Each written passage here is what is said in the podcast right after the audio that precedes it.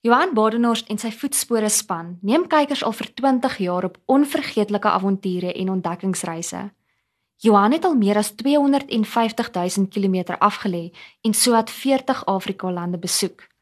Marula Media gesels vandag met hom oor Afrikaanse plekname, voertuie waarmee hy al gereis het en die voetspore reisgids. Johan, baie welkom. Baie dankie, Christa. Johan, vertel my van die dag toe jy gedink het jy gaan nie oorleef nie die een wat uitstaan bo enigiets van die ander is ook daarna gedoop na so 'n insident die dag op die doodsakker ons was met die gansboot uit Gaboon reis was ons op pad noord. Dis 'n lang storie maar die kort daarvan is dat ons is vasgevang deur die gety eendag op 'n strook kuslyn aan die Angolese grens en die see het ons gevang. En ons het ons voertuie op 'n manier teen die duin probeer parkeer En 12 uur daai nag het ons uitgekom uit die doodsakker uit. Maar Koos Moorkrof wat saam met ons was, hy's 'n militêre man gewees. Hy het die plek toe gedoop die doodsakker. Daardie stuk grond tussen twee vyandige linies waar niemand eintlik kan oorleef nie. En hierdie was so 'n stuk grond gewees. Hy het dan ook verder die plek waar ons daar vasgevang gesit het vir amper 13 uur lank, het hy Camp Horror genoem en waar ons uitgekom het daai nag teen hierdie oggend het hy camp relief genoem. Die mooi woord wat vir my bly staan het en vandag toe nog so staan op elke kaart wat jy gaan kyk op elke GPS kaart en soort van is die doodsakker en, en eintlik het hy nie 'n Engelse behoorlike beskrywing nie, jy weet. So die doodsakker in Angola was die die keer ons het daai dag gewonder, gaan ons lewendig hier uitkom? Gaan ons met ons voertuie hier. Ek het begin goed aflaai van my karre af wat ek gedink het wat 'n helikopter daar sou kon uitvlieg in die hoop dat ons miskien gered sou kon word. Maar na so 2-3 ure het ons agterkom ons kanse is is daarom redelik goed vir oorlewing. Die see gaan ons nie heeltemal kom vat nie. Ek het met 'n satellietfoon met mense gepraat en en en ja, uitgevind ons 11 uur daai nag kan terugry. En en ons het daarin geslaag. Ja, dit was dit was 'n moeilike een geweest. Julle lag hopelik jare later daaroor, maar ek is seker in die oomblik was dit ongelooflike ervaring. Veral in die begin, veral die eerste 2-3 ure was dit was dit maar moeilik geweest. Maar daarna ja, vandag, my vrou glo tot vandag toe nog iewers daar by duin in Angola lê daar iets wat ons daar vergeet het. Ek het dit nou nog nie vermis nie, dis nou omtrent 12 jaar later. So ek dink daarom ons het alles saam teruggebring. Al almal wat soontoe gegaan het, het saam met julle teruggekom. Ek dink dis die belangrikste. Ja, absoluut. Ja. Wat was die mees onwaarskynlike plek in die buiteland waar jy al Afrikaans teëgekom het of gehoor het? Ja, mens moet oppas as as jy skinder in Afrikaans enige plek in die buiteland, want daar's altyd iewerste iemand wat jou gaan verstaan of jou gaan hoor. In Afrika is dit nogal interessant. Mens dink jy, jy jy smelt weg tussen die res van die mense tot jy 'n ander wit gesig sien. En dan kom jy agter maar jy staan uit soos 'n seer duim oralste. En gewoonlik as jy 'n wit gesig sien, dan kan jy vir hom vra of hy weet die bulle het Saterdag weer verloor en en waartoe vlieg. Dis gewoonlik ouetjies wat vlieëniers is in Afrika. Mense sien hulle oralster. In Afrika is dit nogal bietjie moeilik om weg te kruip. Dis verstommend dat jy ander Afrikaans spreek en dis nogal meestal, nie meestal nie, ek wou sê 99% Afrikaans sprekende mense. Ons Afrikaners het 'n manier om hierdie kontinent uh, te ontgin want ons verstaan hom ek dink beter as enige Europeër of enige selfs Engelssprekende Suid-Afrikaner. So ja, ons kom nie kry nie sommer die geleentheid in Afrika dat dat iemand ons sou betrap want ons ons sien hulle amper eerste raak. Maar nou onlangs toe ons in Indië was, uh, ry ons eendag daar in uh, in Chennai en skielik hoor ek net 'n meisie agter my in Afrikaans sê, "Wat maak julle kerels hier?" Dis 'n meisie wat daar in 'n ashram bly maar dit vir my nogal verstommend geweest dat ons die hele Indië deur gereis het en net een of twee Afrikaners daarteë gekom het. Maar ja, ek sou sê sy was nogal vir my want daai stadium was omtrent so 6 weke in ons reis nog geen Afrikaans gekry met enigiemand nie. En skielik staan 'n meisie agter my en sê vir my, "Wat maak julle in Chennai?" Ja, maar die hele wêreld vol deur kry ons kry ons tog maar die Afrikaners.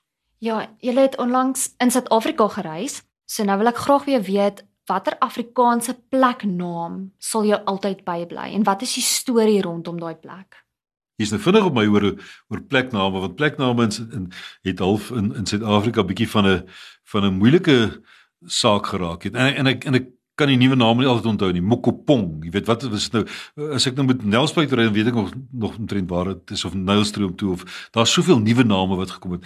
Maar as daar 'n klomp ou plekname wat seker wat baie keer half amper legendariese afmetings al 'n plek soos put sonder water. Ek het eendag put sonder water toe gery om te kyk of is daar werklik waar so 'n plek. Soos ek jare gelede een keer Timbuktu toe gery het in Mali om te kyk of daar werklik waar so 'n plek is. Put sonder water bestaan in, inderdaad. En daar is daar's 'n stasie. Die trein loop daar verby en daar daar is 'n put wat nie water het nie. Maar plekke soos dit, plekname in Suid-Afrika, dis dis dis pragtig. Ek het my nodige pleknaam woordeboek ge, gekoop net om om die, om die oorsprong van name te kan kry. En ek dink baie keer moet ons in die nuwe Suid-Afrika daarmee verlief neem dat 'n plek eintlik maar daardie naam al die jare gehad het. Baie keer andersins ongelukkig word dit geforseerd. Soos ek dink veral in die Limpopo provinsie was daar 'n obsessie gewees om plekke se name te verander en dan raak dit 'n politieke struwel wat onnodig was. Intussen is die JG strydom of die Hendrik Verwoerd tonnels is nog steeds daar. Daarom word daar niks gedoen nie. So as mense dink dat as mense 'n probleem gehad met die sogenaamde apartheid tydperk van Suid-Afrika dat hulle eers dit sou verander het. Maar dit gebeur nie. Selfs is die Verwoerd Hoërskool in Pretoria, jy weet so. Maar ek dwaal nou af. Ehm um, plekname in Suid-Afrika is baie keer 'n beskrywende van juist dit van waar deur jy ry. Ons was by die mooiste plekke nou onlangs, Klein Tafelberg in die Cederberg op op te gaan in die Maltese kruis toe om by plek soos Laai plek aan te kom om by, die Gantegou pas op te gaan uh, uh, oor die Hottentots Hollandberge. Net, net so mooi naam, Hottentots Hollandberge. Jy weet mense dink die naam Hottentot mag mens nie meer nuwe af. Nee, natuurlik rivier sonder end. Dit is so beskrywend om by 'n plek uit te kom wat hoekom sou hulle plek rivier sonder end noem? Dit is nie doodgewoon vir die breë rivier of die sandrivier of die modderrivier of so nie, maar so is daar is daar talle plekke in Suid-Afrika wat werklik waar 'n ongelooflike mooi beskrywende naam het.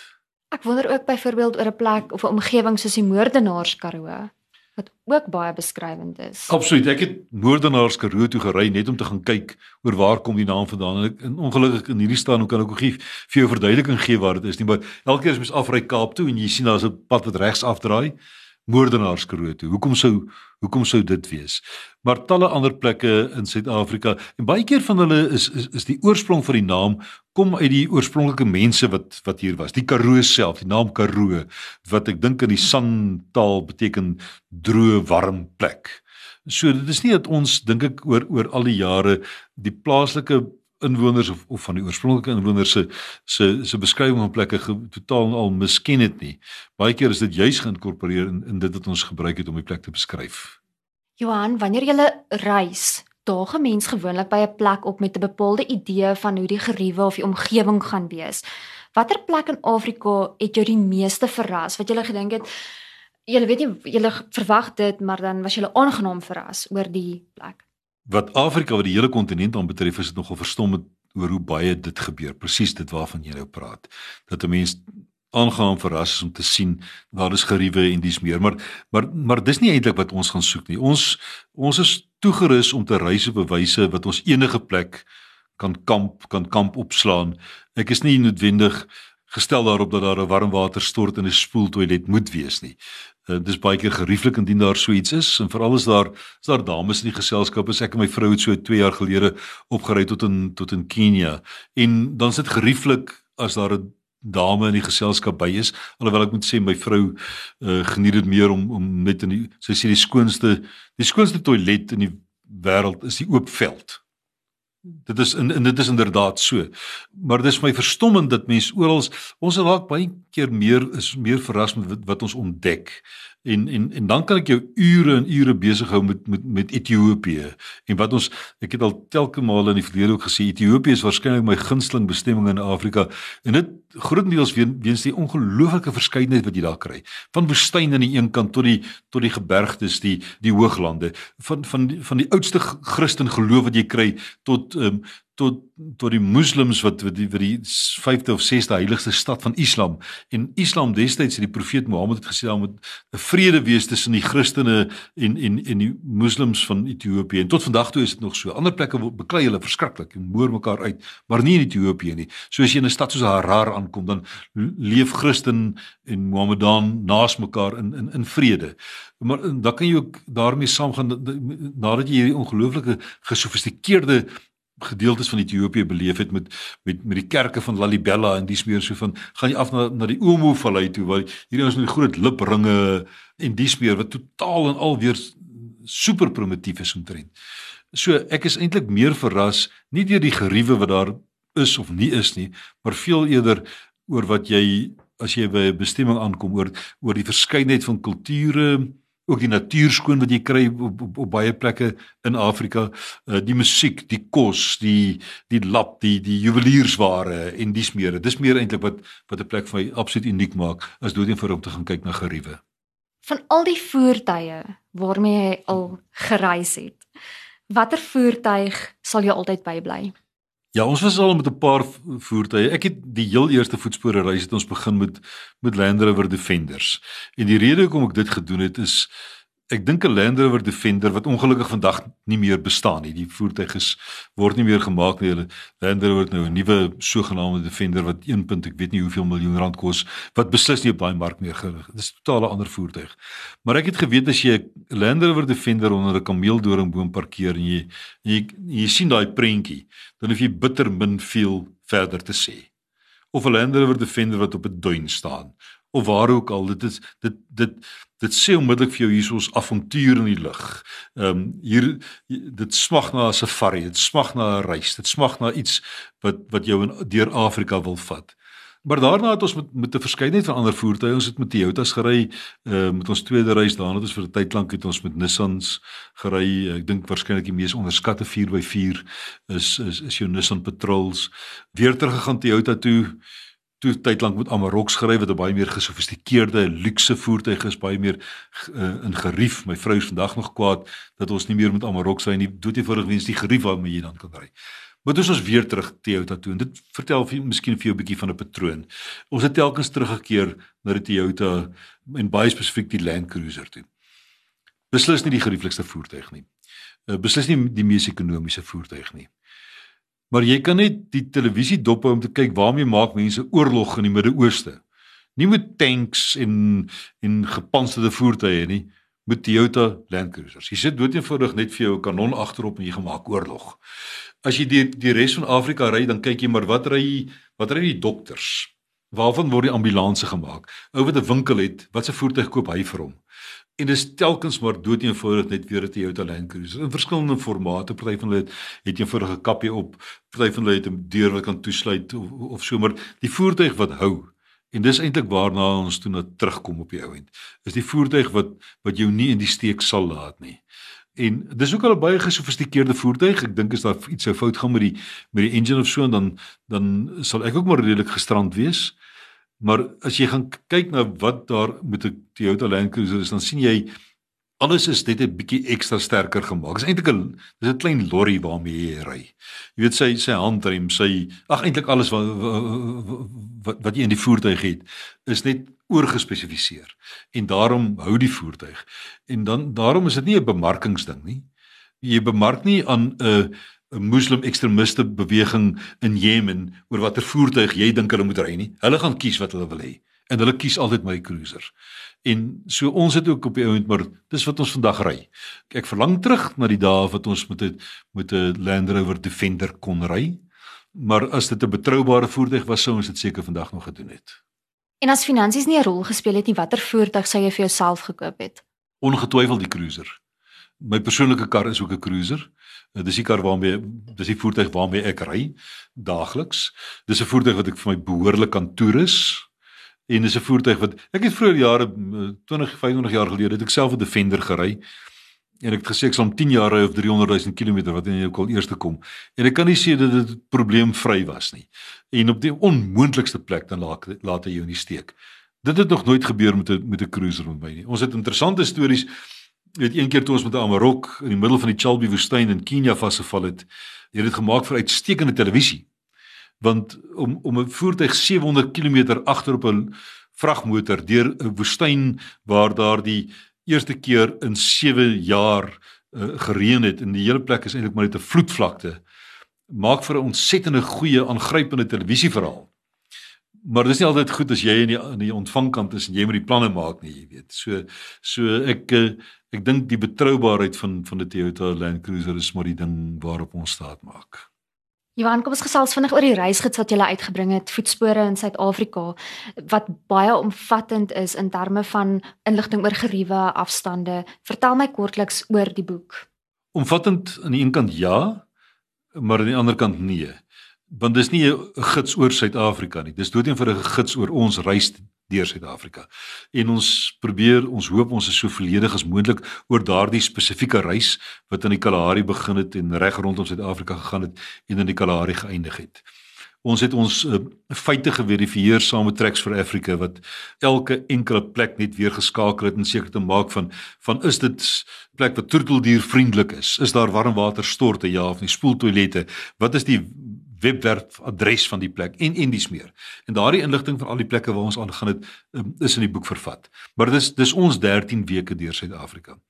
Ehm um, ek dink amper daardie inligting moet 'n mens normaalweg in 'n reisgids as 'n gegewe beskou. Dit moet daar wees en dit moet korrek wees. Jy moenie twyfel hê daaraan nie.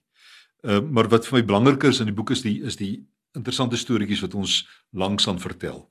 Dat as jy op 'n plek aankom, wat is die interessante geskiedenis wat daar rondom is. As jy op Mariepskop op opry en enigiemand kan teen Mariepskop opry en daarbo gaan kyk na die plaseer die waterval wat pragtig is, maar dan die interessantheid daarvan, Denys Ryds se graf wat daarbo is.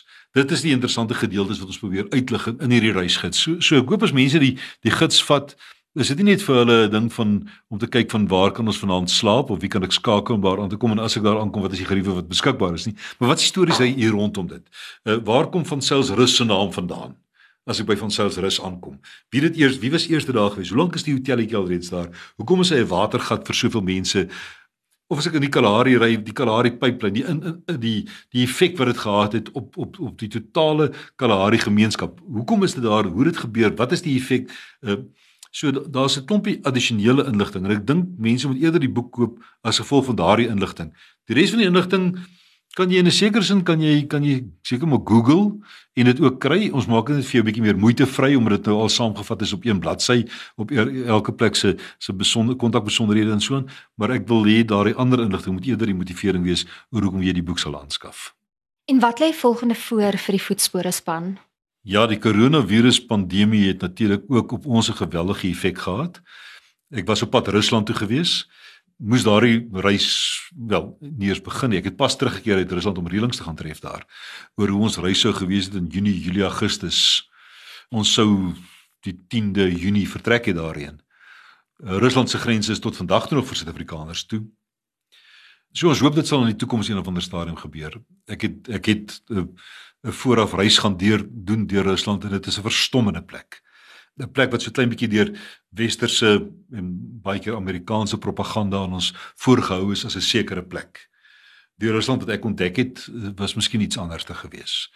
Die grootste gedeelte van die vinnige reis wat ek ek en my vrou het met die Trans-Siberië uh, trein gaan ry vanaf Moskou tot in Vladivostok.